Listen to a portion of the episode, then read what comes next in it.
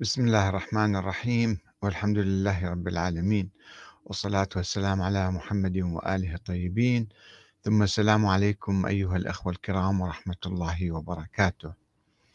لماذا تستغرب من إمامة الأطفال كالجواد والهادي ولا تستغرب من نبوة يحيى وعيسى عليهم السلام؟ هذا السؤال آه، طرحه عدد من الأشخاص تعليقا على موضوعين نشرتهما مؤخرا آه، حول إمامة محمد الجواد وعلي الهادي وكان بعمر سبع ثمان سنوات. وأنا تحدثت عن التاريخ والنظرية. التاريخ الشيعي الذي روى قصة هذين الإمامين وما جرى مجراهما. آه، في الحقيقة يعني كثير آه، حوالي أكثر من مئة تعليق حتى الآن في هذين الموضوعين. آه، يعني أنا أتعجب من البعض كيف يتعصب و يعني يستميت في الدفاع عن نظرية لا وجود لها نظرية ميتة نظرية منقرضة. هي نظرية الإمامة الإلهية وهي نظرية مثالية أكرر أنا دائما نظرية مثالية خيالية وهمية لم تقم على القرآن الكريم ولا على السنة النبوية وعلى العقل وإنما قامت على مجموعة أساطير وقصص خرافية يسموها معاجز لهذا الإمام أو لذاك. إذا إحنا حذفنا هالقصص الأسطورية ولم نؤمن بها كما لم يؤمن بها الناس من قبل والشيعة من قبل. فلا نحصل على نتيجة. هذه النظرية رغم أنها الآن منقرضة بالحقيقة والشيعة تخلوا عنها لأنه لم يمكنهم تطبيقها منذ 1200 سنة. فآمنوا بالنظرية المقابلة لها والمضادة لها. آه نظرية الشورى اللي تطورت حتى إلى النظرية الديمقراطية والجمهورية الإسلامية في إيران والعراق. ونحن هذه الأيام نعيش ذكرى الثورة الإيرانية.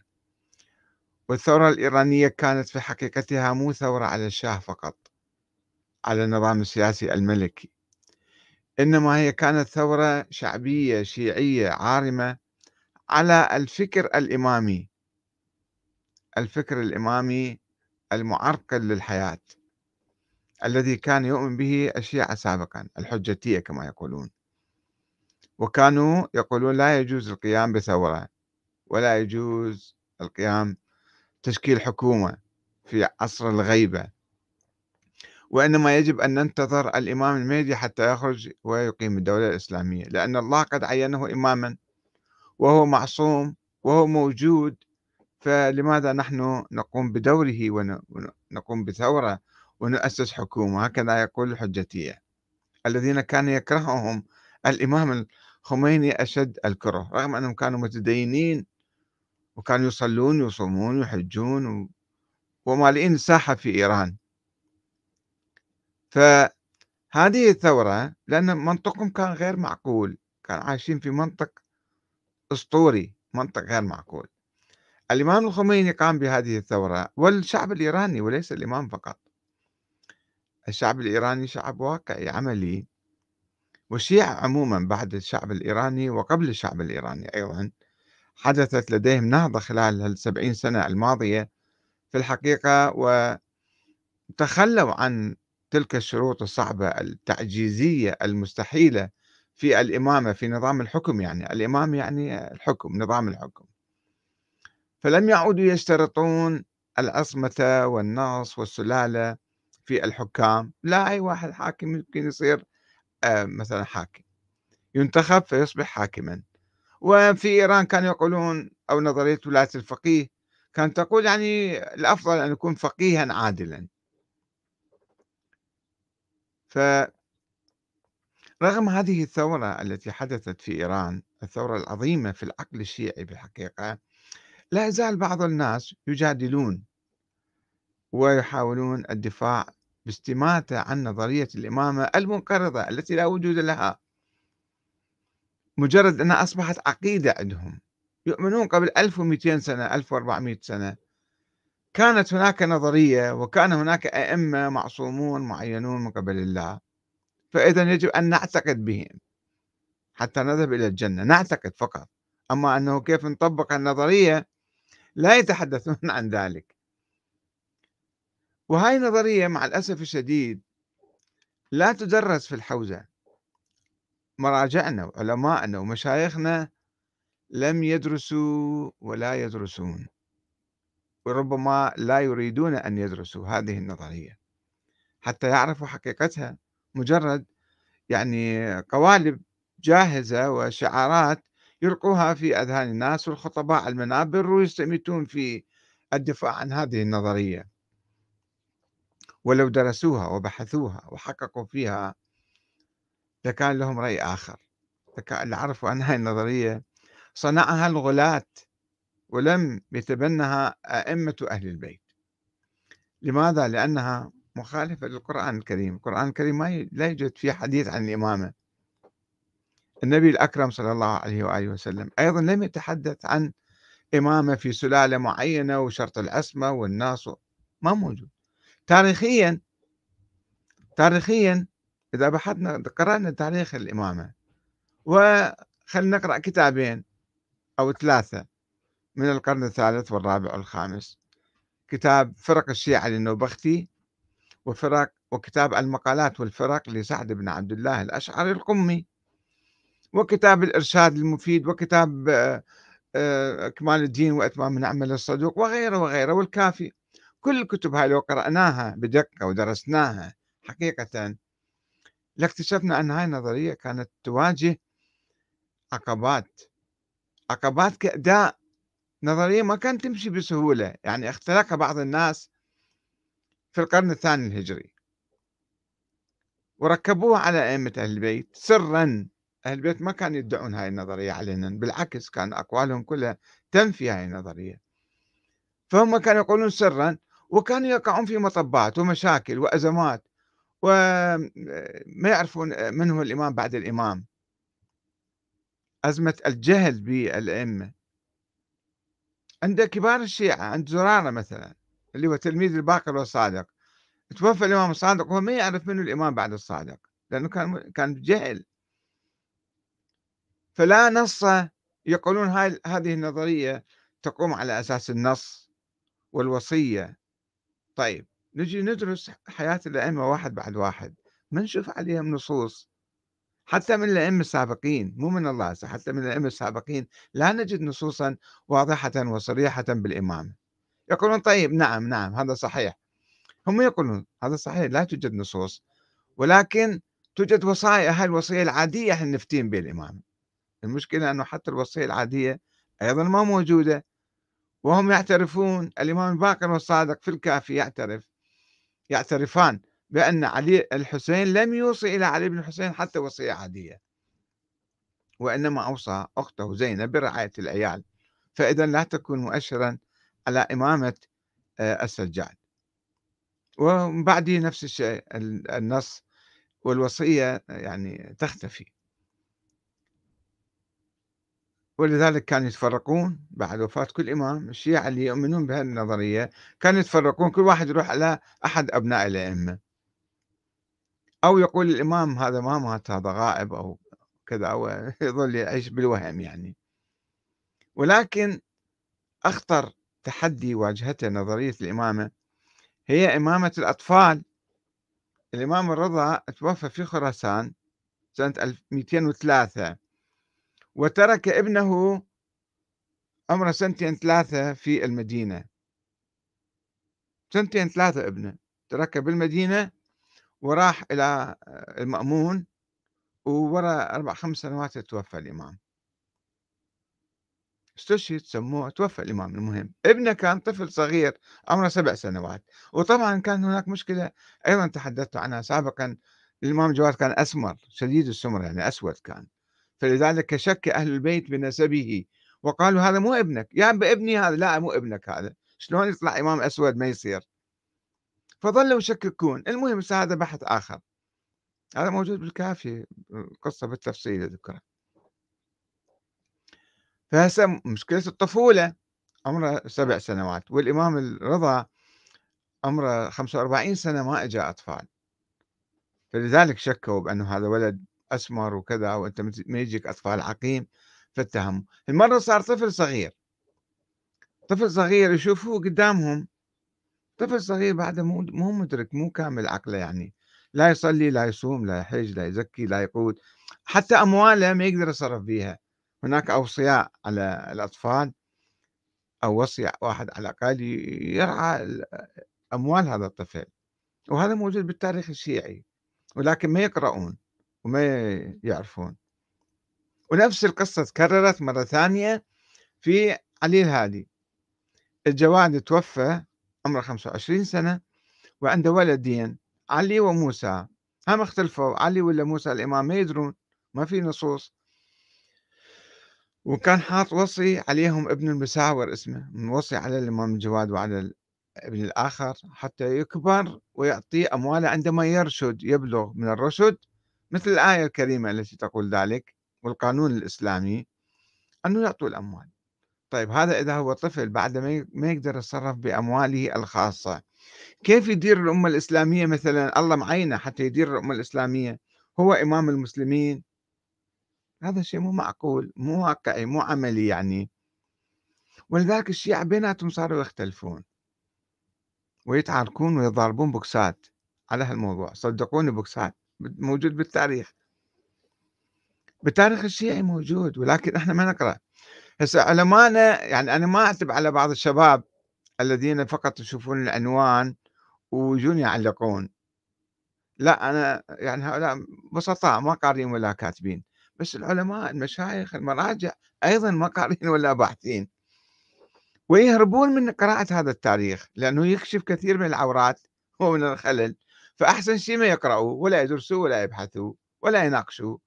وإذا يريدون يناقشوا مثل الشيخ المفيد مثلا بسرعة بسرعة بسرعة. يجيب له كذا آية تلزيق قياس ويبني النظرية مالته على القياس. والقياس الإمام الصادق يقول هذا أصل من أصول المذهب الجعفري ليس من مذهبنا القياس. الإمام الصادق يقول هذا مجمع عليها متواترة. هل هالرواية متواترة عند الشيعة الجعفرية؟ الإمام الصادق يقول ليس من مذهبنا القياس وإن أول من قاس إبليس.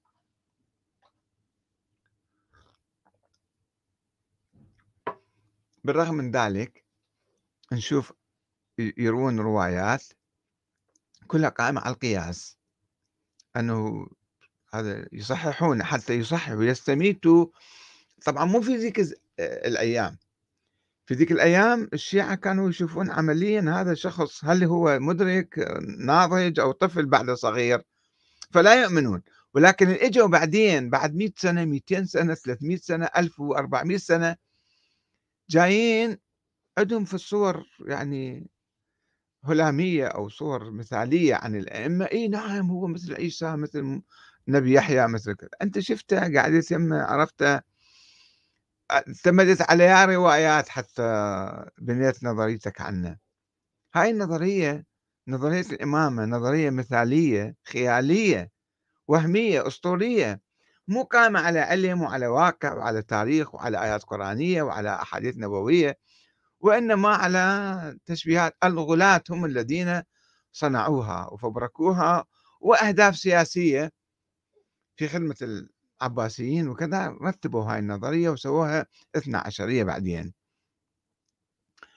فبالحقيقة أنا قبل ما أقرأ لكم بعض النصوص اللي واردة في أهم المصادر الشيعية. في الكافي للكليني أو في الإرشاد للشيخ المفيد أو الكشي العالم الرجالي أو فرق الشيعة وكل المصادر الشيعية تذكر ما جرى في تلك الفترة. يعني في النصف الأول من القرن الثالث الهجري خلينا نشوف الإمامة كيف صارت وليش ذابت وليش عامة الشيعة ذهبوا إلى الزيدية أئمة الزيدية؟ الإمام القاسم الرسي مثلا. هذا أصبح أعظم إمام عند الشيعة في هالفترة هذه. فترة النصف الأول من القرن الثالث الهجري. اقرأوا التاريخ وشوفوا شوفوا شلون الشيعة كانوا يبايعون هذا الإمام. سرا وجهارا. وبعدين نجحوا أبناء نجحوا في إقامة الدولة الزيدية في اليمن. لأنه هذا الخط الثاني وقع بالخرافة وبالأسطورة وبالخيال وبالوهم. ذاب انتهى تلاشى. تلاشى لأنه كلام مو معقول. الناس الشيعة المعارضين للظلم والفساد كانوا يبحثون عن إمام حي قوي موجود حتى يتبعوه. وهؤلاء كانوا غارقين بهذا الجدل.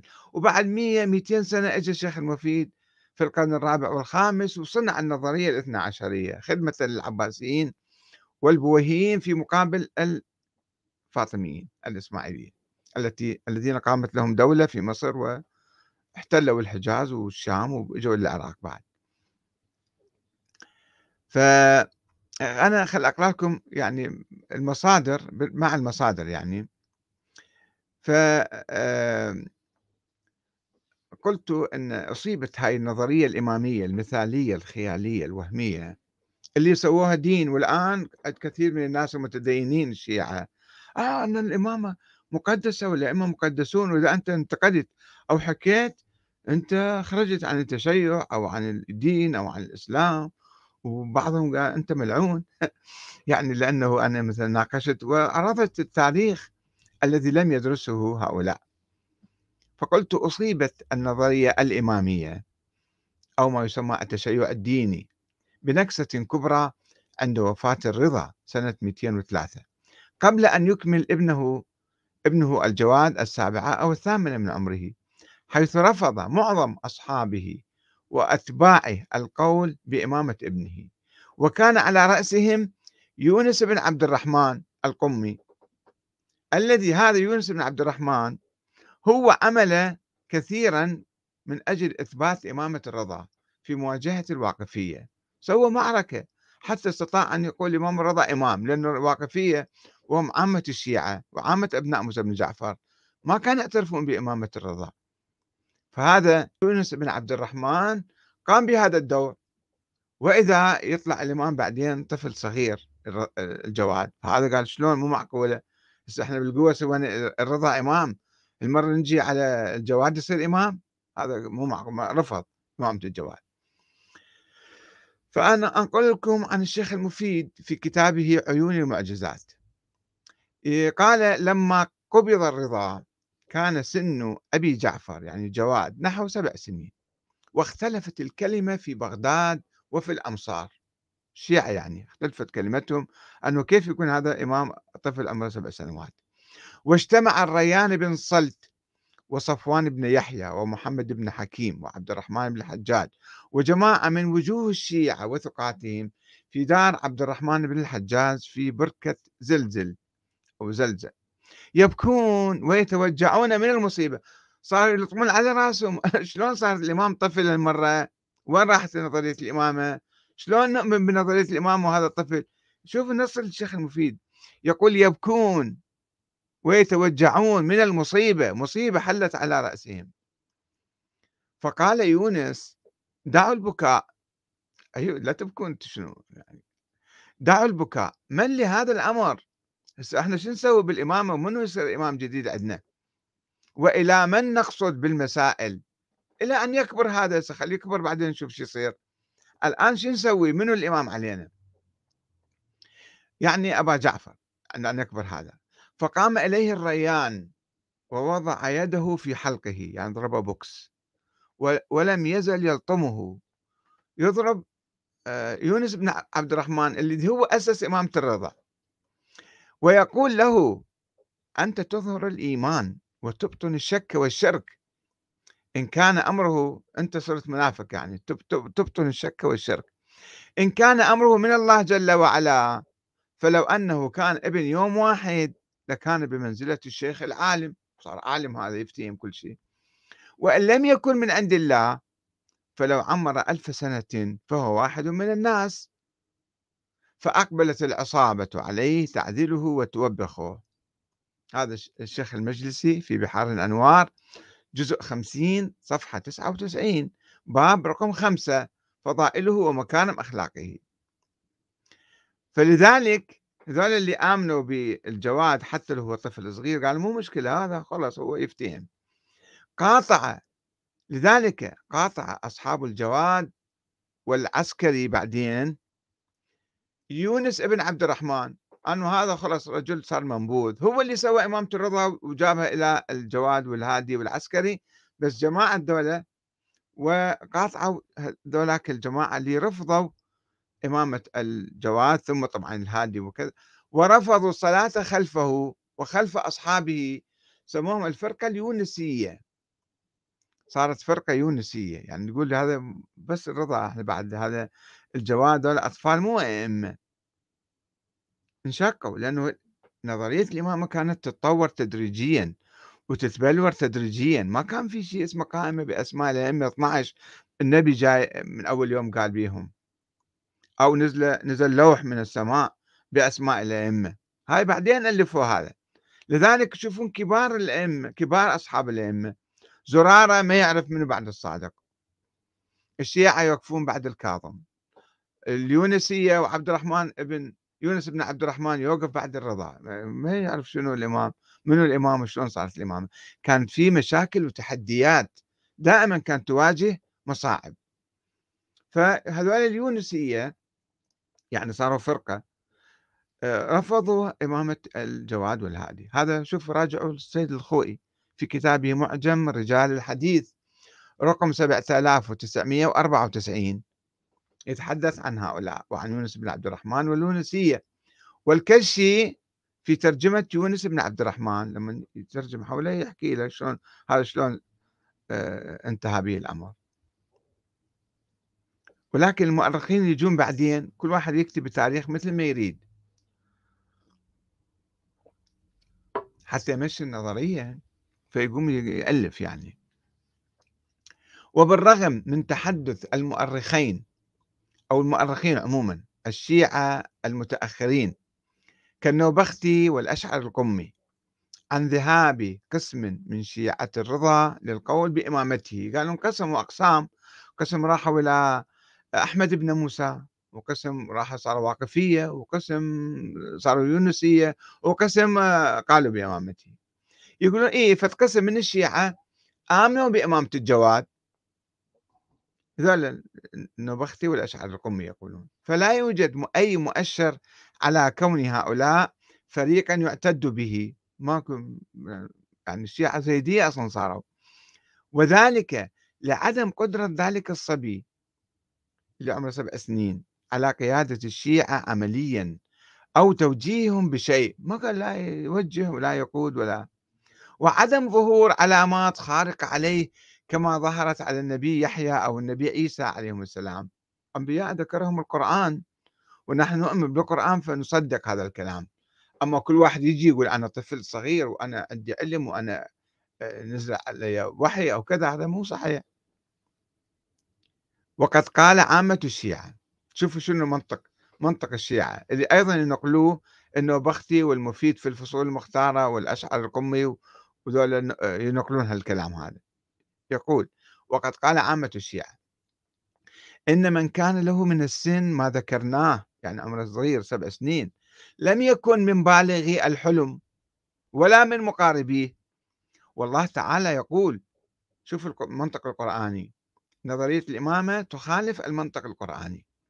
الله يقول في القرآن وابتلوا اليتامى حتى إذا بلغوا النكاح.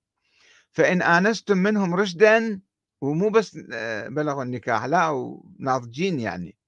فإن آنستم منهم رشدا فادفعوا إليهم أموالهم. فالله يقول ذلك. ويعلقون ذلك الشيعة ذيك الأيام. وإذا كان الله تعالى قد أوجب الحجر على هذا في أمواله لإيجابه ذلك في جملة الأيتام. وأبوه حط وصي عليه. بطل أن يكون إماما. شلون يصير إمام يقود المسلمين وهو ما يقدر يصرف بأمواله؟ لأن الإمام هو الوالي على الخلق في جميع أمر الدين والدنيا. المفروض يعني هكذا يكون. وليس يصح أن يكون الوالي على أموال الله تعالى كلها من الصدقات والأخماس والمأمون على الشريعة والأحكام. وإمام الفقهاء والقضاة والحكام والحاجر على كثير من ذوي الألباب في ضروب من الأعمال. كل الأعمال يسويها هو من لا ولاية له على درهم ما يقدر يتصرف بدرهم من أمواله. على درهم واحد من مال نفسه ولا يؤمن على النظر لنفسه. من ما نقدر شو يسوي؟ يروح يشتري حلاوة وبقلاوة ياكل. ومن هو محجور عليه؟ لصغر سنه ونقصان عقله لتناقض ذلك واستحالته. شلون حطه هالمنصب الرفيع قيادة الدين والدنيا وبعدين هو ما يقدر يتصرف بفلس واحد من فلوسه. هذا شوف هذا النص مو أنا أقوله هذا الشيعة قالوا ذيك الأيام. راجعوا كتاب الأشعري القمي. هذا شيخ علماء قم ذيك الأيام في القرن الثالث الهجري. كتاب المقالات والفرق صفحة 96 والشيخ المفيد وهذا شيخ الطائفة الاثنى عشرية مؤسس الاثنى عشرية في كتاب الفصول المختارة صفحة 112 و 113 هذا المنطق هذا المنطق الصحيح إنه هذا شلون صار هذا مو إمام. ما دام طفل صغير ما يمكن الله يعين إمام. بس ذولاك اللي كانوا يؤمنون الإمام من الله فشلون ما صار لازم بعد يقولون بما يشاءون. وأم ذولاك اللي آمنوا بإمامة الرضا هم وقعوا في مشكلة أخرى. عفوا الذين قالوا بإمامة الجواد وهو طفل صغير وقعوا في أزمة أنه سأل ماله من وين هذا. وأما الذين قالوا بإمامة الجواد في ذلك العمر عمره سبع سنين فقد وقعوا في أزمة كبيرة واضطربوا في الإجابة على مشكلتي العمر والعلم. فقال بعضهم لا يجوز أن يكون علمه من قبل أبيه لأن الرضا ذهب إلى خراسان والجواد ابن أربع سنين وأشهر. أبوه تركه وراح إلى خراسان. فشو وقت علمه؟ شو وقت صار علم؟ مو من جهة أبيه. ومن كان في هذه السن فليس في حد من يستفرغ تعليم معرفة دقيق الدين وجليله. أصلا ما يقدر يدرس ولا يتعلم. ولكن الله شنو قالوا؟ قالوا ولكن الله علمه ذلك عند البلوغ. لما كبر الله نزل له علم برأسه. بضروب مما يدل على جهات علم الإمام. مثل شنو؟ مثل الإلهام. قام يجي إلهام. والنكت في القلب. والنقر في الأذن. والرؤيا الصادقة في النوم. والملك المحدث له. ووجوه رفع المنار يطلع له نور شي ويشوفه والعمود والمصباح وعرض الأعمال. وما إلى ذلك مما كان يقوله غلاة الإمامية بحق الأئمة السابقين. هذا كلام مو صح هذا رفع, رفع الإمام إلى درجة النبوة. الله يلهمه وينكت في قلبه وينقر في إذنه هذا صار مثل الوحي شنو الفرق صار عن الأنبياء؟ هو الأنبياء كانوا بعضهم هكذا علمهم يأتي هكذا مو ما كان عندهم يعني شيء يعني آه، ملك ينزل عليهم. وهذا كله يقول نفس الشيء ملك ما ملك محدث يحدثه. هذه مو أقوال أهل البيت. ولا تتفق مع القرآن ولا تتفق مع السنة النبوية اللي الله ختم النبوة بها. ولا تتفق مع كلام الأئمة الظاهر. إنما ذل بالسر كانوا يضطرون إلى أن يخترعوا أفكار ونظريات. وما إلى ذلك مما كان يقوله غلاة الإمامية بحق الأئمة السابقين. واستشهدوا شوفوا شلون سووا آه، الآن. راح يسوون قياس. والقياس باطل ويتنافى مع أصل. أهم أصل من أصول المذهب الجعفري أنه ليس من مذهبنا القياس. هم قاموا يقيسون على الأنبياء السابقين. وقالوا استشهدوا بهذه الآية. وآتيناه الحكم صبيا. الله يتحدث عن النبي يحيى. نبي يحيى الله بالقرآن قال ذلك. ما يصير نقيس. أي واحد يجي يقول يابا هذا آتاه الله حكم صبية ما تطلع سالفة. كما أعطى الله النبوة ليحيى وهو طفل صغير وكما أعطاها لعيسى وهو طفل صغير. عم نتكلم في المهد. كذلك فلما لا يجوز أن يعطى يعطي الإمامة لمحمد جواد وهو ابن سبع سنين؟ صاروا يقيسون هكذا. وأخذوا يحبكون الروايات عن الرضا والجواد حول إمكانية تولي الأطفال للإمامة. قاموا يصنعون روايات ومصنع الروايات هذا أكبر مصنع بالتاريخ مصنع الأحاديث.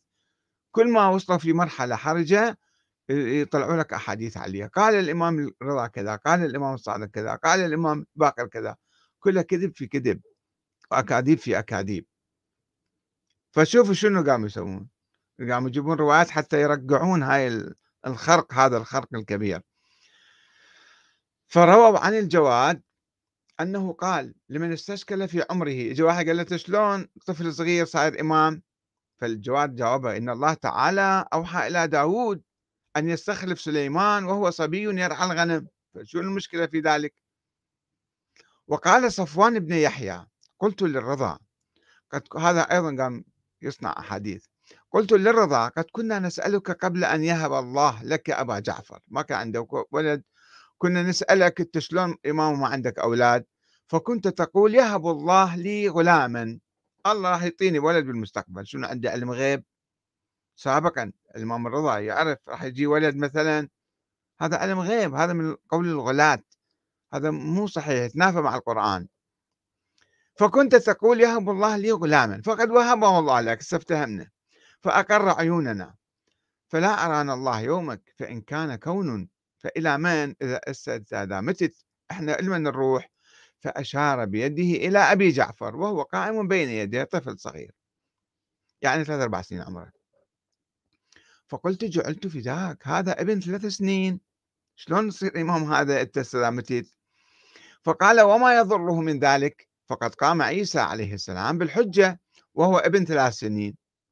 هاي رواية مفبركة على الإمام الرضا واحد بعدين سواها مو وقعوا في أزمة فسوى رواية كاذبة على الإمام الرضا.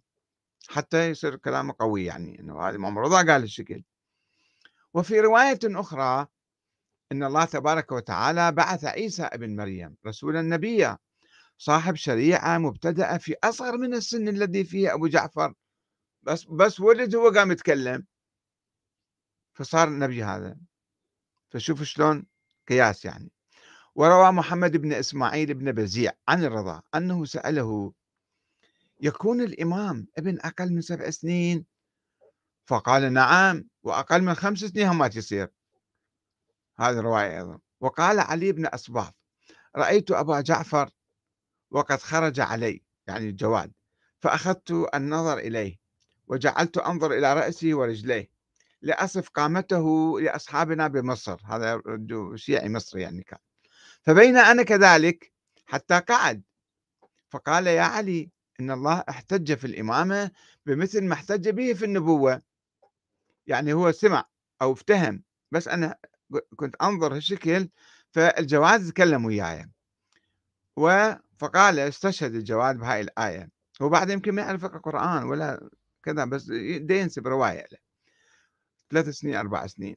فقال وآتيناه الحكم صبيا. وقال لما بلغ أشده. صار رجال كبير. وقال أيضا وبلغ أربعين سنة. فقد يجوز أن يؤتى الحكمة وهو صبي ويجوز أن يؤتاها وهو ابن أربعين سنة. فهم ركبوا لك رواية على الإمام الجواد وهو طفل صغير عمره ثلاث سنوات. ده يشرح له شلون الإمامة تصير وزعم علي بن حسان أنه قال للجواد يا سيدي إن الناس ينكرون عليك حداثة سنك شوف يعني نفهم من هذا أنه من الناس؟ يعني الشيعة اللي كانوا مهتمين بهذا الموضوع ينكرون عليك حداثة سنك أنت طفل صغير بعدين ما يقبلوك فقال وما ينكرون من ذلك قول رسول قول الله عز وجل لقد قال الله في عز وجل لنبيه صلى الله عليه وسلم قل هذه سبيلي أدعو إلى الله على بصيرة أنا ومن اتبعني. فوالله ما اتبعه إلا علي عليه السلام وله تسع سنين وأنا ابن تسع سنين. شنو الفرق عن صار هذا صار عمره تسع سنين. طيب هنا قياسه مع الفارق. اولا النبي دعا الإمام علي عمره تسع سنين أو عشر سنين يعني حتى يتبعه. ما صار إمام ما كان صار قائد الأمة الإسلامية في ذاك العمر. المفروض في الجواد أن الله مثلا حسب نظرية الإمامة الوهمية الخيالية المثالية الأسطورية أن يكون الجواد قائد الأمة الإسلامية الله معينه لقيادة الأمة الإسلامية مثل النبي يعني. فهذا شنو هالقياس هذا؟ باطل. بس هاي كلها تأليفات. كلها تأليفات يسووها على الإمام الرضا والإمام الجواد وأئمة سابقين ولاحقين حتى يمشون نظريتهم. ونقل الكليني. عن علي بن جعفر ابن محمد. هم مسوين في كلام في الرواية عن هذا علي ابن جعفر الصادق أخو موسى الكاظم وعم الإمام الرضا أنه قبل ذات يوم يد الجواد وهو طفل صغير وعظمه مما دفع بعض أصحابه إلى توبيخه. قائلين أنت عم أبيه وأنت تفعل به هذا الفعل فقال اسكتوا إذا كان الله عز وجل وقبض على لحيته لم يؤهل هذه الشيبة وأهل هذا الفتى ووضعه حيث وضعه. انكر فضله نعوذ بالله مما تقولون بل أنا له عبد. هذا هذه الرواية يرويها النوبختي في فرق الشيعة صفحة 86 إلى 90 والأشعر القمي في المقالات والفرق صفحة 99 والكليني في الكافي جزء واحد صفحة 494 و382 و384 وكتاب الحجة باب الإشارة والنص على أبي جعفر الثاني يعني اللي هو الجواد حديث رقم 10 و12 و13 وباب حالات الأئمة في السن حديث رقم 2 و5 و6 و7 و8 ما حديث كثير يجيبون هاي القصة. أنه علي بن جعفر كان يؤمن بنظرية الإمامة وكان يؤمن أنه هذا الجواد الله مسويه إمام وهو ما صار إمام. من يقول هالرواية صحيحة؟ هاي الرواية يختلقها الإمامية لكي يثبتوا إمامة الجواد اللي كانت في ذاك الوقت محل نزاع وخلاف بين الشيعة أنفسهم. استكثروا. والذي أشاد إمامة الرضا يونس بن عبد الرحمن رفض الاعتراف بإمامة الجواد.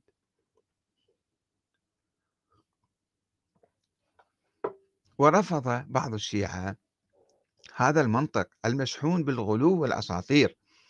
وقالوا إن الجواد قبل البلوغ هو إمام على معنى أن الأمر له دون غيره إلى وقت البلوغ لما يكبر عود يصير إمام علينا. فإذا بلغ علم لا من جهة الإلهام والنكت ولا الملك ولا شيء من الوجوه التي ذكرتها الفرقة المتقدمة المغالية. لماذا؟ لأن الوحي منقطع بعد النبي بإجماع الأمة. هذول الشيعة الحقيقيين شوفوا كيف كانوا يفكرون. يقول ما يصير هذا الشخص يصير عنده وحي. هذا كلام مخالف لإجماع الأمة ولضروريات الدين. وقالوا لا يعقل أن يعلم ذلك إلا بالتوقيف والتعليم. يروح يدرس يتعلم يقرأ كتب يصير عالم وثم يقود الأمة الإسلامية. لا الإلهام والتوفيق. لكن نقول إنه علم ذلك عند البلوغ من كتب أبيه قام يقرأ كتب أبوه صار عالم وما ورثه من العلم فيها وما رسمه له فيها من الأصول والفروع. وأجاز قسم من هؤلاء الشيعة قالوا زين أكو ناس استشكلوا عليهم إنه هذا شلون راح يصير مجتهد يعني؟ قالوا اي شيء شنو المشكلة؟ خلي يصير مجتهد. وأجاز قسم من هؤلاء القياس والإجتهاد في الأحكام. بس علما بس للإمام خاصة بقية الناس ما لهم حق يجتهدون. هكذا كانوا يقولون الإمامية يقولون الاجتهاد حرام ما يجوز. فهنا اضطروا أن يقولوا الإمام مجتهد. الإمام الجواد كان مجتهدا. آه، على الأصول التي في يديه لأنه معصوم من الخطأ والزلل فلا يخطئ في القياس. ومن قال لكم هو معصوم؟ هاي أيضا فرضية. فرضية افترضوا لأنه مضطرين لازم لازم يقولون فرشية حتى يمشون. نظرية الإمامة. فهنا يعني اضطروا أن يؤمنوا بنظرية الاجتهاد وفقط الإمام وهو هو معصوم. منين جبتوا كلمة العصمة؟ هذا النوبختي يذكر ذلك في فرق الشيعة صفحة 90 أنه في قسم من الشيعة قالوا هكذا. فبالنتيجة بالحقيقة إحنا بحاجة الآن إلى دراسة نظرية الإمام وأنا أوجه كلامي وخطابي إلى طلبة الحوزة العلمية. روحوا ادرسوا ادرسوا تاريخ الأئمة ادرسوا تاريخ الإمامة نظرية الإمامة ماذا تعني ابحثوا فيها وشوفوا هاي النظرية أصلا موجودة اليوم ولا منقرضة. مهما حاولنا أن نرقعها أو ندافع عنها فهي نظرية قبل 1200 300 سنة كانت. نظرية غير موجودة ولا نستفيد منها شيئا إلا أنه إحنا نكون نفد نظرية نظرية الإمامة. وطبعا بعدين واجهت مشاكل أكبر. انتهت ووصلت إلى طريق مسدود الإمام العسكري توفى وما عنده أولاد ولم يتحدث عن الإمامة أصلا ولم يتحدث عن وجود له ف انقرضت هاي النظرية. وصلت إلى طريق مسدود وانتهت راحت. تبين أن هذه النظرية كانت وهمية خيالية مثالية أسطورية مغالية. اختلقها بعض الغلاة ومشوها. طيب إحنا بعد 1200 سنة جايين الآن ندافع عن هاي النظرية شو نستفيد من عندها؟ هسه الأئمة كانوا أئمة من الله ولا لم يكونوا؟ لا يأثر على حياتنا اليوم. إحنا الآن عامة الشيعة نؤمن بنظرية الشورى والديمقراطية والجمهورية ونؤمن بالدستور والحاكم إحنا ننتخبه. وبعدين نتعارك على الحاكم هذا منو؟ أي واحد يكون أفضل مثلا. فهاي النظرية المعقولة الطبيعية من أول يوم بعد وفاة الرسول لأن الإسلام لم يتحدث عن نظام الحكم لا في القرآن ولا في السنة النبوية. ترك ذلك للمسلمين لكي هم ينتخبوا حكامهم حسب ظروفهم في كل زمان ومكان. كل بلد يجب أن يفكر ويشوف. فإذا تركنا أهل البيت كانوا علماء أبرار اللي نستخلصه من كل التاريخ الشيعي أن أئمة أهل البيت كانوا علماء. أبرار زهاد عباد كرماء ثوار هذا هو اللي ظاهر من حياتهم. أما الكلام السري الباطني نقوم نغالي فيهم ونعتقد اعتقادات باطلة أنهم كانوا كذا وكانوا كذا وكان ينزل عليهم وحي وملائكة يتكلموهم ويجوهم علم من الله علم لدني وإلهام ونكت في الأذهان وفي في القلوب. هذا كله كلام خرافي ما له صحة. فلماذا نؤمن بهذه النظرية المغالية المتطرفة؟ ثم ما نكتفي بهذا إنما الناس الذين لم يؤمنوا بهذه النظرية أو لا يؤمنون ذولا ما عندهم ولاية راحوا للنار. والصحابة الذين مثلا الناس انتخبوهم ذولا أيضا اغتصبوا الخلافة من الإمام علي ومن أهل البيت. وبالتالي ذولا كانوا كذا وكذا لا أريد أن أكرر كلامهم. فهذا يجب أن يكون شوية عندنا عقل الآن. نهتم بواقعنا وتطوير أنظمتنا السياسية حتى تكون عادلة حتى تكون مستقلة حتى تكون معبرة عن آراء عامة الناس. وبالتالي نستطيع بناء مجتمعاتنا بشكل سليم. ونتوحد ومو نظل نتعارك مع إخواننا السنة ليش ما تؤمنون بنظرية الإمامة؟ وإذا ما آمنتوا أنتم مثلا تصيرون نواصب وتصيرون أعداء أهل البيت وتصيرون تروحون للنار. هذا كلام كله بدون دليل وكلام ما له معنى اليوم.